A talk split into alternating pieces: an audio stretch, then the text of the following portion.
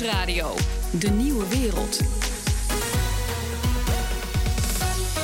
Mark Beekhuis. Wat als we allemaal biologisch eten? BNR De Nieuwe Wereld. Wat als we allemaal biologisch eten? Die vraag komt van Julia. Zou dat kunnen, dacht ik. Maar dat is het probleem niet. Het kan, hoorde ik van Maria van Bokstel van Land Co. En dat bedrijf adviseert boeren als zij de overstap willen maken naar biologisch. Het zou wel kunnen, denk ik. En ze hebben het ook wel onderzocht. Hè. Ook zelfs de VN en de Universiteit van Wageningen heeft het onderzocht. Dat zou best kunnen. Maar dat zou betekenen dat alle Nederlanders echt anders moeten gaan eten. Wat minder vlees bijvoorbeeld en uh, wat meer andere gewassen. Uh, eiwitvervangers noemen ze dat dan heel mooi in de landbouw. En het zou ook betekenen... Dat is dat soja en zo? Ja, bijvoorbeeld. Of uh, lupine, waar je lekkere vegetarische burgers van kan maken. Maar dan gewoon wat minder vlees. En dan kan het best. En het zou voor, voor veel boeren ook wel best een ingrijpende verandering zijn. Want er zijn natuurlijk heel veel boeren die uh, ja, al stallen hebben staan voor heel veel varkens of heel veel kippen. En dat kan dan. Dat moet je dan veranderen als je biologisch wil. En dat is best een flinke desinvestering. Dus, uh, ja. ja, als je de tijd neemt, kan je dat, zou je het kunnen doen. Ja, als je echt de tijd neemt, zou je het kunnen Ja. doen. Ja. Ik sprak Maria op het erf van boer Ted. Dat is het bedrijf van Ted en Nicolien Vaalburg. En zij verbouwen vooral knolselderij. En Nicolien vertelde me dat ze met de biologische teelt een paar jaar geleden zijn begonnen. Niet te veel geluid. Ja, er is best veel geluid, dus we gaan zo naar buiten. Maar vertel eerst even, waar kijken we naar? Uh, we kijken naar de knolselderij uh, verpakkingsmachine. Dus uh, hier worden de, de knolselderij gecontroleerd. En eventuele foute knolselderij wordt eruit gegooid. En dan daarna belandt het in het zakje en dan gaat het de grens over. Ja, de, de Nederlander uh, die kent de knolselderij voornamelijk van de snert. Maar dat, ja, dat is eigenlijk wel jammer uh, dat hij dat hij nog best wel onbemind is. Uh, um, maar hij heeft heel veel mogelijkheden. Dat ik, ga, ik ga straks als we buiten zijn een receptje vragen, maar dat ja. is voor je niet zo handig. Laten we nog even onder die machine doorlopen of een beetje erlangs? Ja. Ik wist, er rijden ook forklift-trucks, maar die vinden we allemaal omheen, hè? Ja, dat, dat gaat goed. Dat, gaat, dat goed. gaat goed. Want wat, aan de ene kant wordt er hier echt een enorme bak met knolselderij. Die is omgekieperd. Ja, de kuubskist is, uh, is in de stortbak uh, omgekieperd.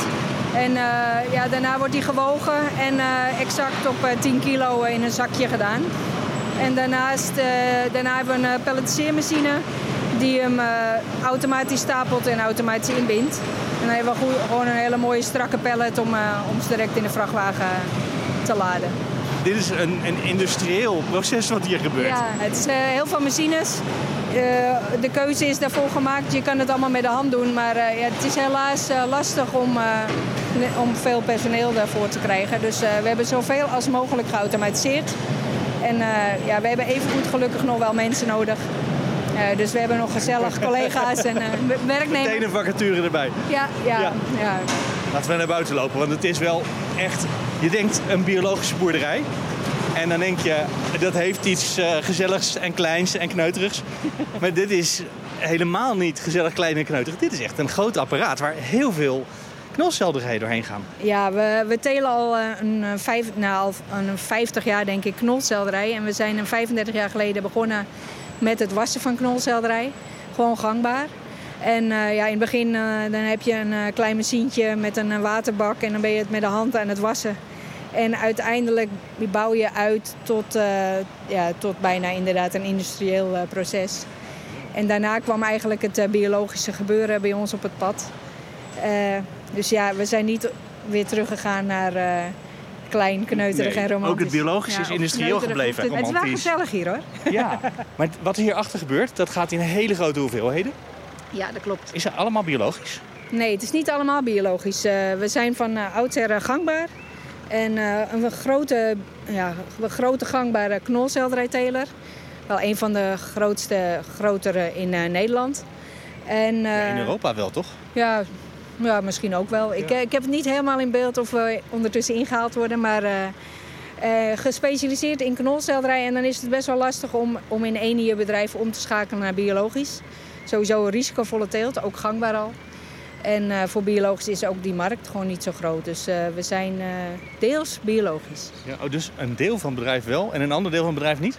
Nou, je kunt eigenlijk zeggen dat we twee bedrijven hebben. We hebben een biologisch bedrijf en we hebben een, uh, een gangbaar bedrijf. Ja, want ik dacht dat je dat niet kon mixen. Dat dat heel moeilijk is met al die certificeringen en zo. Ja, het, uh, je moet een, uh, een bedrijf inschrijven bij de Kamer van Koophandel. Dus juridisch gezien zijn we, hebben we twee bedrijven nu. Je bent twee bedrijven en het ene kratje gaat de ene kant op en het andere ja, kratje de andere kant. Het ene kratje is van het ene bedrijf en het andere ja. kratje is van het andere bedrijf. Ja, jullie geven advies aan zo'n ondernemer die dan zo'n boerderij heeft. Mhm. Mm -hmm. Wat, voor, wat is de vraag die ze eigenlijk stellen als ze opbellen voor het eerst? Nou, wat we heel vaak als vraag krijgen is: is dit iets voor mij? Ik zou dat gewoon een beetje ja, willen verkennen of dat een optie is. En uh, daar hebben we vaak groepsgewijze cursussen voor in een gebied. Hè, dus bijvoorbeeld in de provincie Noord-Holland. En nu gaan we in september ook starten met nieuwe cursussen in uh, Limburg. En dan gaan we het hebben over bodem. Wat verandert er in je bodem? Wat verandert er in het veevoer? Wat moet je doen qua onkruidbeheersing? Dus dan zit je met allemaal akkerbouwers of met allemaal melkveehouders aan tafel. En dan uh, gaan we ook rondjes lopen over die andere bedrijven. En we hebben natuurlijk echt inhoudelijke informatie van wat betekent dat nou ja, als je wat gaat Wat is het biologisch? Ja, wat, is wat moet je dan doen als je biologisch zou worden? En wat we daarnaast nog doen, vaak met andere partners, dus met andere adviesbedrijven, is dat we ook bij de boer aan de keukentafel gaan zitten en gaan doorrekenen van wat betekent het precies voor jou. Ja, dan zit je met een spreadsheet op tafel op de laptop te Ja. rekenen. Ja, precies. Ja, daar komt het dan op neer. Ja, en daar komt dan iets uit wat heet een omschakelplan. En daarmee kan hij zien wat de stappen zijn die hij moet nemen om die omschakeling ook daadwerkelijk te doen. Ja, lukt het altijd? Er zijn ook bedrijven waarvoor het gewoon echt niet interessant is. Als je heel weinig land hebt en bijvoorbeeld heel veel varkens in een grote schuur, ja. Dan uh, moet je toch eerst een akkerbouwer zoeken waarmee je kan samenwerken voordat je zoiets moet gaan doen. Dus dan kan het wel, maar dan moet je vaak eerst andere stappen nemen om je bedrijf er geschikt voor te maken voor die omschakeling. Maria van Bokstol. En zij vertelde me iets dat achteraf te simpel voor woorden klinkt een open deur, maar ik had het me gewoon niet gerealiseerd. Als je de overstap maakt naar biologisch, maakt het nogal uit wat je produceert. Dat enorme knolselderijbedrijf kan het zo organiseren dat een deel biologisch wordt, maar niet meteen het hele bedrijf. Maar als je 60 melkkoeien hebt, zoals Boy Griffioen van de Groene Griffioen, dan is het alles of niks. Dit is allemaal hoeveel jaar geleden overgegaan van gangbaar naar biologisch? Nou, in stapjes zijn we in 2009 begonnen met omschakelen. Toen hadden we alleen nog deze stal. Hier, uh, dit is een, uh, ja, een traditionele lichtboxenstal. Hier hebben we nu een, een jong vee in staan en nog steeds de melkstal. Daar hadden we wat aanpassingen aan gedaan, zodat we daar de koeien biologisch in konden houden. Dat ze wat meer ruimte hadden, uh, wat minder uh, roostervloer. En uh, ja, dat ging op zich prima. Maar we hebben in de andere stal, nou dat, daar hebben we een heel bed met houtsnippers. Waar de koeien in kunnen liggen. Dat is, wordt iedere dag vullen we de, daar een, een laag houtsnippers in bij. En daarachter is de composthoop. En uh, ja, daar uh, brengen we dus heel veel organisch materiaal samen met die mest om het uh, allemaal ja, vruchtbaardere mest te maken. Ondertussen staan ze allemaal heerlijk te eten. Nou ja, ja, dan is er eentje die heel nieuwsgierig is naar ons. Ja, ze zijn in principe allemaal heel nieuwsgierig, maar deze komt als eerst. De rest komt zo. Oké. Maar eh, ja, ze hebben net eten gehad, dus ze zijn nog afgeleid. Jullie hadden eerst een, eh, een gangbaar bedrijf. En dat is dan een paar jaar geleden is dat in stappen omgegaan naar biologisch. Ja, Waar merk je dat aan? Kan ik het zien? nou ja, als je ons voerhek ziet, ehm, een Zweeds voerhek eh, wordt dat genoemd. En daar hebben we alle beugels waarin de koeien vastgezet kunnen worden, hebben we ervan afgehaald. Eh, Dus ze kunnen er eigenlijk gewoon tussendoor leunen nu en dan over Ja. de rand heen eten. Ja, verder hebben we dus dat houtsnipperbed, dat is anders. Ehm, is het verder heel anders? Nou, vooral eh, groter per koe. Ja, ruimte. Ja, ja en, ehm, en het eh, gras wat voor het voerhek ligt, eh, dat, dat is ook een iets andere samenstelling dan je vaak op een, eh, een gangbare boerderij aantreft. We, hebben, we maaien vaak een wat langer gewas met meer diversiteit, meer kruiden daarin. Dus het, het ziet er anders uit, het ruikt anders en de, ja, dat is een verschil. Het oogt ook wat natuurlijker. Het heeft iets meer van, van gemaaid gras, wat je toch langs de kant van de weg ook wel eens ziet eh, weg. Nou ja, dat klopt. Dat is omdat het wat langer gemaaid wordt als je, ja, eh, als je veel eiwit wil maaien, wat eh, hogere productieve koeien eh, echt nodig hebben. Dan eh maai je wat korter en dan, eh, ja, dan zal je toch een, eh, een wat ander gewas voor het voerrek zien liggen. Veel donkerder van kleur en eh, compacter.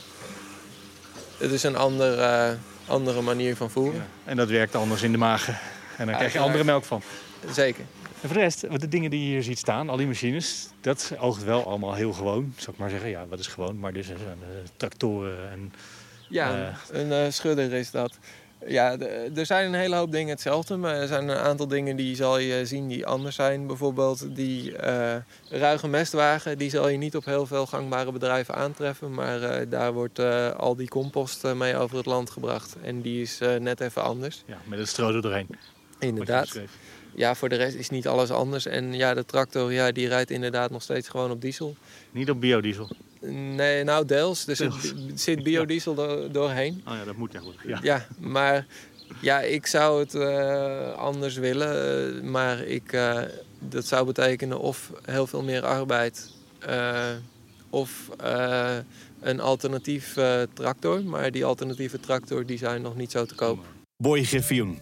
Helemaal aan het begin zei Maria van Bokstel al dat is uitgerekend dat het wel zou kunnen. Alle landbouw alleen nog maar biologisch. Uit een onderzoek uit 2011 blijkt wel dat de gemiddelde opbrengst dan een vijfde lager ligt dan bij intensieve landbouw of gangbare landbouw. Dus dan zouden we nog maar 80% van de huidige oogst hebben.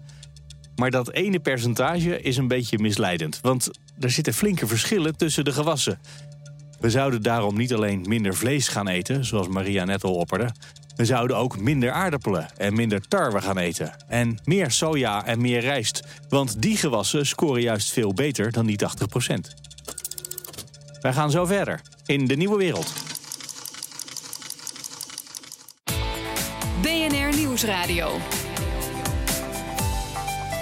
BNR, de nieuwe wereld. Wat als we allemaal biologisch eten? BNR, de nieuwe wereld. Wat als we allemaal biologisch eten? Dan verandert er dus wat we eten, maar we hebben wel genoeg. Voor boeren kan het wel risicovoller zijn, omdat je minder kan doen als er een plaag is. Dus de opbrengst verschilt meer van jaar tot jaar. In elk geval bij de knolselderij van Boertet is dat het geval. Maar die variatie zal waarschijnlijk minder zijn bij de groene griffioen, waar ze melkkoeien houden. Hoewel ze ook daar natuurlijk een gewas telen, ook zoiets dat achteraf een open deur is. Ze telen gras voor de koeien. En we gaan zo terug naar die twee boerenbedrijven. Maar eerst terug naar Maria van Bokstel, die boeren adviseert als zij de overstap willen maken naar biologisch. Ga je er uiteindelijk meer of minder van verdienen? Dat is lastig in de algemeenheid te zeggen, maar de meeste boeren die het doen, die gaan erop vooruit. Ja, Zowel met de groenten als met de beesten? Ja. Ik zeg beesten, ik geloof dat je dieren moet zeggen. Hè? Ja, in principe met dieren of met groenten, dat maakt niet zo heel veel uit. Omdat je voor biologische producten gewoon een hogere prijs per product krijgt. Ja. Maar je neemt ook een wat groter risico. Zoals hier hoor ik dan dat je dan... heb je al die knolselderij en dan gaat er een, een of ander diertje doorheen. Ja. En dan ben je ja, die paar hectare kwijt. ja, zeker. Je, loopt ook, Ja. je moet meer erbovenop zitten, meer een vakman zijn. Echt goed kijken van wanneer moet ik onkruid wieden, wanneer komt er een ziekte of een plaag in, wat kan ik daar nog aan doen.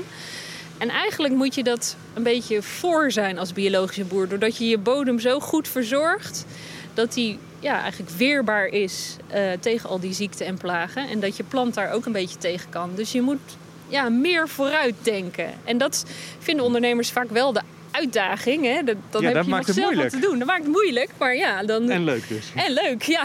Ja. Dat is wel eh, wat mensen dan weer plezier in hun werk eh, terugbrengt. Ja.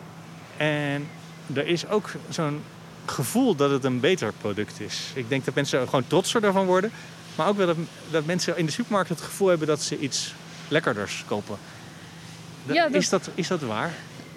Eh, ja, dat zijn altijd hele lastige gesprekken. Het is wel zo dat biologische boeren gewoon een goed imago hebben. En ook vaker contact met burgers, open dagen. Eh, ze leveren ook... Een kwart van de biologische boeren levert ook direct afboerderij eigen in eigen winkel of iets in Ja. die trant. En dan heb je natuurlijk direct contact met de mensen. En die waarderen dat ook heel erg. En dat is natuurlijk superleuk. Dan Ja. krijg je nog eens een keer een schouderklopje. En je weet zelf ook, de landbouw komt op de radio of in de krant vaak niet zo heel goed eraf. Dus Oh, nou ja, daar zijn we nu mee bezig. precies, We kijken wat er gebeurt in dit programma. precies. Dus dat is dan heel fijn om een keer iets positiefs erover te horen. Maar dat is soms niet zo. En dat is best lastig Ja. voor boeren. En dan worden ze natuurlijk blij van als consumenten wel waarderen wat ze doen. Ja. Ja, en daar ook voor willen betalen. Maar ik zit te denken, als je nou echt die enorme hoeveelheden van een supermarkt, een Albert Heijn of een Jumbo eh, neemt, daar moet je natuurlijk je, je producten selecteren op dat ze stevig zijn. Dat de, dat de schil van de appel heel dik is. Beter dan dat hij heel lekker smaakt. Mhm. Want als hij lekker smaakt, dat is prima. Maar als hij eh, kapot gaat, Ja. dat is pech. Maar heb je als biologische boer die luxe ook? Of moet je dan toch inmiddels wel ook meegaan in gewoon dat het inderdaad stevig is. En dat het eh, resistent is tegen al die ziektes. En dat dat belangrijker is dan de smaak. Eh, nee, biologische boeren hebben nog best wel de keuze uit veel eh, rassen en gewassen en diersoorten die ook echt op smaak geselecteerd zijn. Eh, ze- je bent ook verplicht als biologische boer, als het beschikbaar is, om biologische rassen en biologische gewassen, hè, het uitgangsmateriaal te gebruiken. Ook dieren uit de biologische sector. Dus ja, mensen hebben nog best wel de keuze om dat ook iets anders aan te pakken. Het is wel zo dat het nu ook in de retail heel erg groeit, die markt van biologische producten. Ja, en dan moet je soms ook Elstar appels telen, terwijl die best wel gevoelig zijn voor schimmels. Ja, dus Ja. dat is dan ook lastig in de biologische sector. Maria van Bokstel van Land Co. En voorlopig kan het uit met die biologische landbouw, omdat je er in de winkel meer voor kan vragen. Maar blijft dat zo als alle landbouw biologisch wordt? Op die vraag heb ik eigenlijk geen goed antwoord. We gaan terug naar Boy Griffioen en zijn melkkoeien. Vooralsnog is het een luxe product. Ik, eh, ik zou willen dat het niet zo was. Maar eh, ja, ik zie eh, zoals ik zelf mijn product aan de man probeer te brengen. gaat het alleen maar in een heel chic jasje en eigenlijk te hoge prijzen. Ehm, en het moet er redelijk flitsend uitzien. Want als je dat niet doet, dan ja, de, voor een, een middel of de rood product gaan mensen niet zoveel meer betalen schijnbaar. Ja. Want jullie zijn wel wat duurder en dus moet het ook beter zijn. Uiteraard, Ja. ja. eh, we, we proberen een, een heel mooi product te maken, maar dat is in, ja, het gaat meer werk in, dus het is al duurder. En eh, als je dat als eh, ja, standaard pak zonder extra show in de winkel zet, ja, dan is het niet aantrekkelijk genoeg om daar meer voor te betalen. Levert het evenveel op? Nou, per koe eh, niet. Nee. Ehm, als je het op bedrijfsniveau kijkt, eh, kun je, eh, ja, zou je op een gangbaar bedrijf veel meer koeien kunnen houden die ook veel meer geven. Wij moeten dat wat rustiger aan doen. Ehm, als je het financieel bekijkt, dan denk ik dat er niet hele grote verschillen zijn tussen een gangbaar en biobedrijf. En dat het uiteindelijk gewoon meer een, een wilskeuze is wat je, ja, hoe je wil eh, leven en boeren. Maar dus het is minder melk die iets duurder is en dat valt wel grofweg tegen elkaar weg. Daar komt het wel op neer, ja. En blijft dat zo? Want het wordt natuurlijk wel steeds meer wat er biologisch is. Eh, ja, ik weet het niet. Eh, de vraag naar bio eh, wordt wel groter. Maar aan de andere kant komen er ook steeds meer tussensegmenten die ja, bio dan weer beconcurreren. Je hebt dierwelzijn, sterrenvlees, eh, de kipster-eieren, nou, rondeel-eieren. Ehm, niks ten nadele van wat zij doen hoor. Want ik vind het zonder uitzondering haast leuke producten. Maar eh, ja, dat is eh, voor biologisch aan zich natuurlijk eh, concurrentie ook. En het is wat net wat makkelijker. Hè? Het is steeds zeker één of twee sterren en drie sterren is biologisch. Maar bij vlees één en twee sterren is... Ja, dan heb je het idee dat je wel iets met sterren koopt. Maar het is nog niet biologisch. Nee, inderdaad. En ja, ik weet niet of de mensen die het kopen echt een idee hebben wat die stapjes dan inhouden. Ik hoop het wel. Eh, dat zou, eh, zou een verademing voor mij zijn. Maar- Je zegt dat je toch denkt van niet. Eh, ja. Zullen we even naar die andere koe? Dus het zo heel zo'n fijn zo'n koe. Ze gaan het krabben met zo'n... ja, wat is het? Een ronddraaiende borstel of zo, hè? Ja, die draaiborstels. Nou, we hebben hem eh, nu twee jaar, dat ding, zo'n beetje. En ze zijn er gek op. Een wasstraatborstel is het bijna, hè? Maar dan een wat stevigere borstel. Ja, nee, hij krijgt het aardig te verduren. Want ze, ze gaan aan alle kanten er tegenaan. En eh, ze krabben zich eh, aan alle kanten ermee. Want ik herinner me van varkensboeren dat die allemaal speeltjes in die boksen moeten hebben om eh, aan, aan de normen te voldoen. En zeker als je biologisch bent en je houdt die beesten af en toe binnen, dan heb je dat soort dingen nodig. Ja.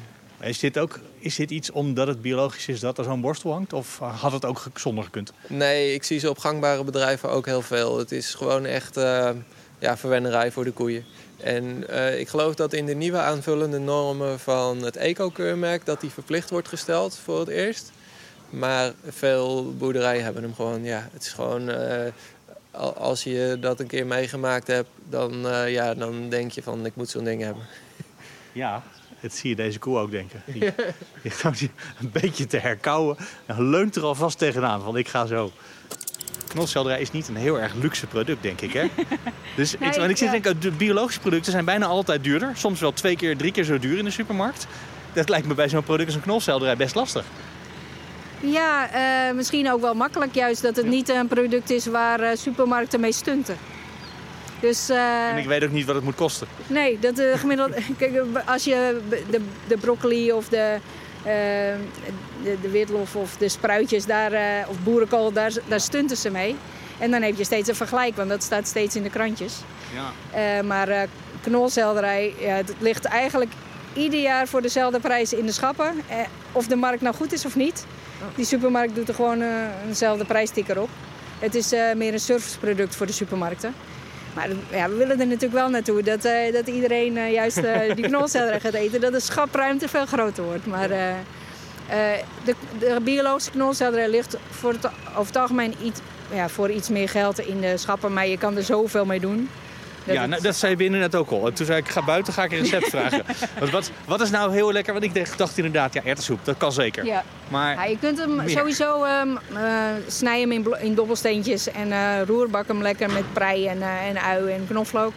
Of um, je kan er een lekkere salade van maken. je kan hem in zijn geheel op de barbecue langzaam laten garen. Dan heb je een soort vegetarisch beraadstuk.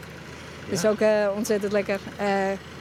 Hij is lekker als lasagnebladen, dus dan, of je kunt er spaghetti... In plaats van lasagnebladen? Ja, spaghetti slieren van maken. Als je gluten, een glutenprobleem hebt, dan uh, kun je hem daarvoor gebruiken. Frietjes in de oven, rauwe frietjes. Uh, ja. en gelukkig al die kookprogramma's op tv, uh, ja, die koks die zijn allemaal wel gek van knolselderij. Dus ja? Ik kijk te weinig. Je kijkt te weinig. Ja. je luistert alleen maar radio. Ja, dat, en podcast en radio. Ja, dat is waar. Maar die, zijn, die houden van uh, knolselderij? Die houden van knolselderij. Ja, knolselderij kan overal bij. En het is uh, een basis voor een smaakmaker, uh, een extra smaakmaker. Dus de basis voor iedere soep is wortel, ui, prei en selderij, knolselderij. Ja, dat is wel. Dus als, je, ja, als je geen pakje wil gebruiken, dan pak je knolselderij. Volgende week gaan we aan de slag met een vraag van Saartje. Wat als het DNA van iedereen wordt afgenomen en opgeslagen? Zijn er dan genoeg gevangenissen? En zij typte daar een smiley achter. Dus ik ga proberen het vrolijk te houden. Volgende week in De Nieuwe Wereld.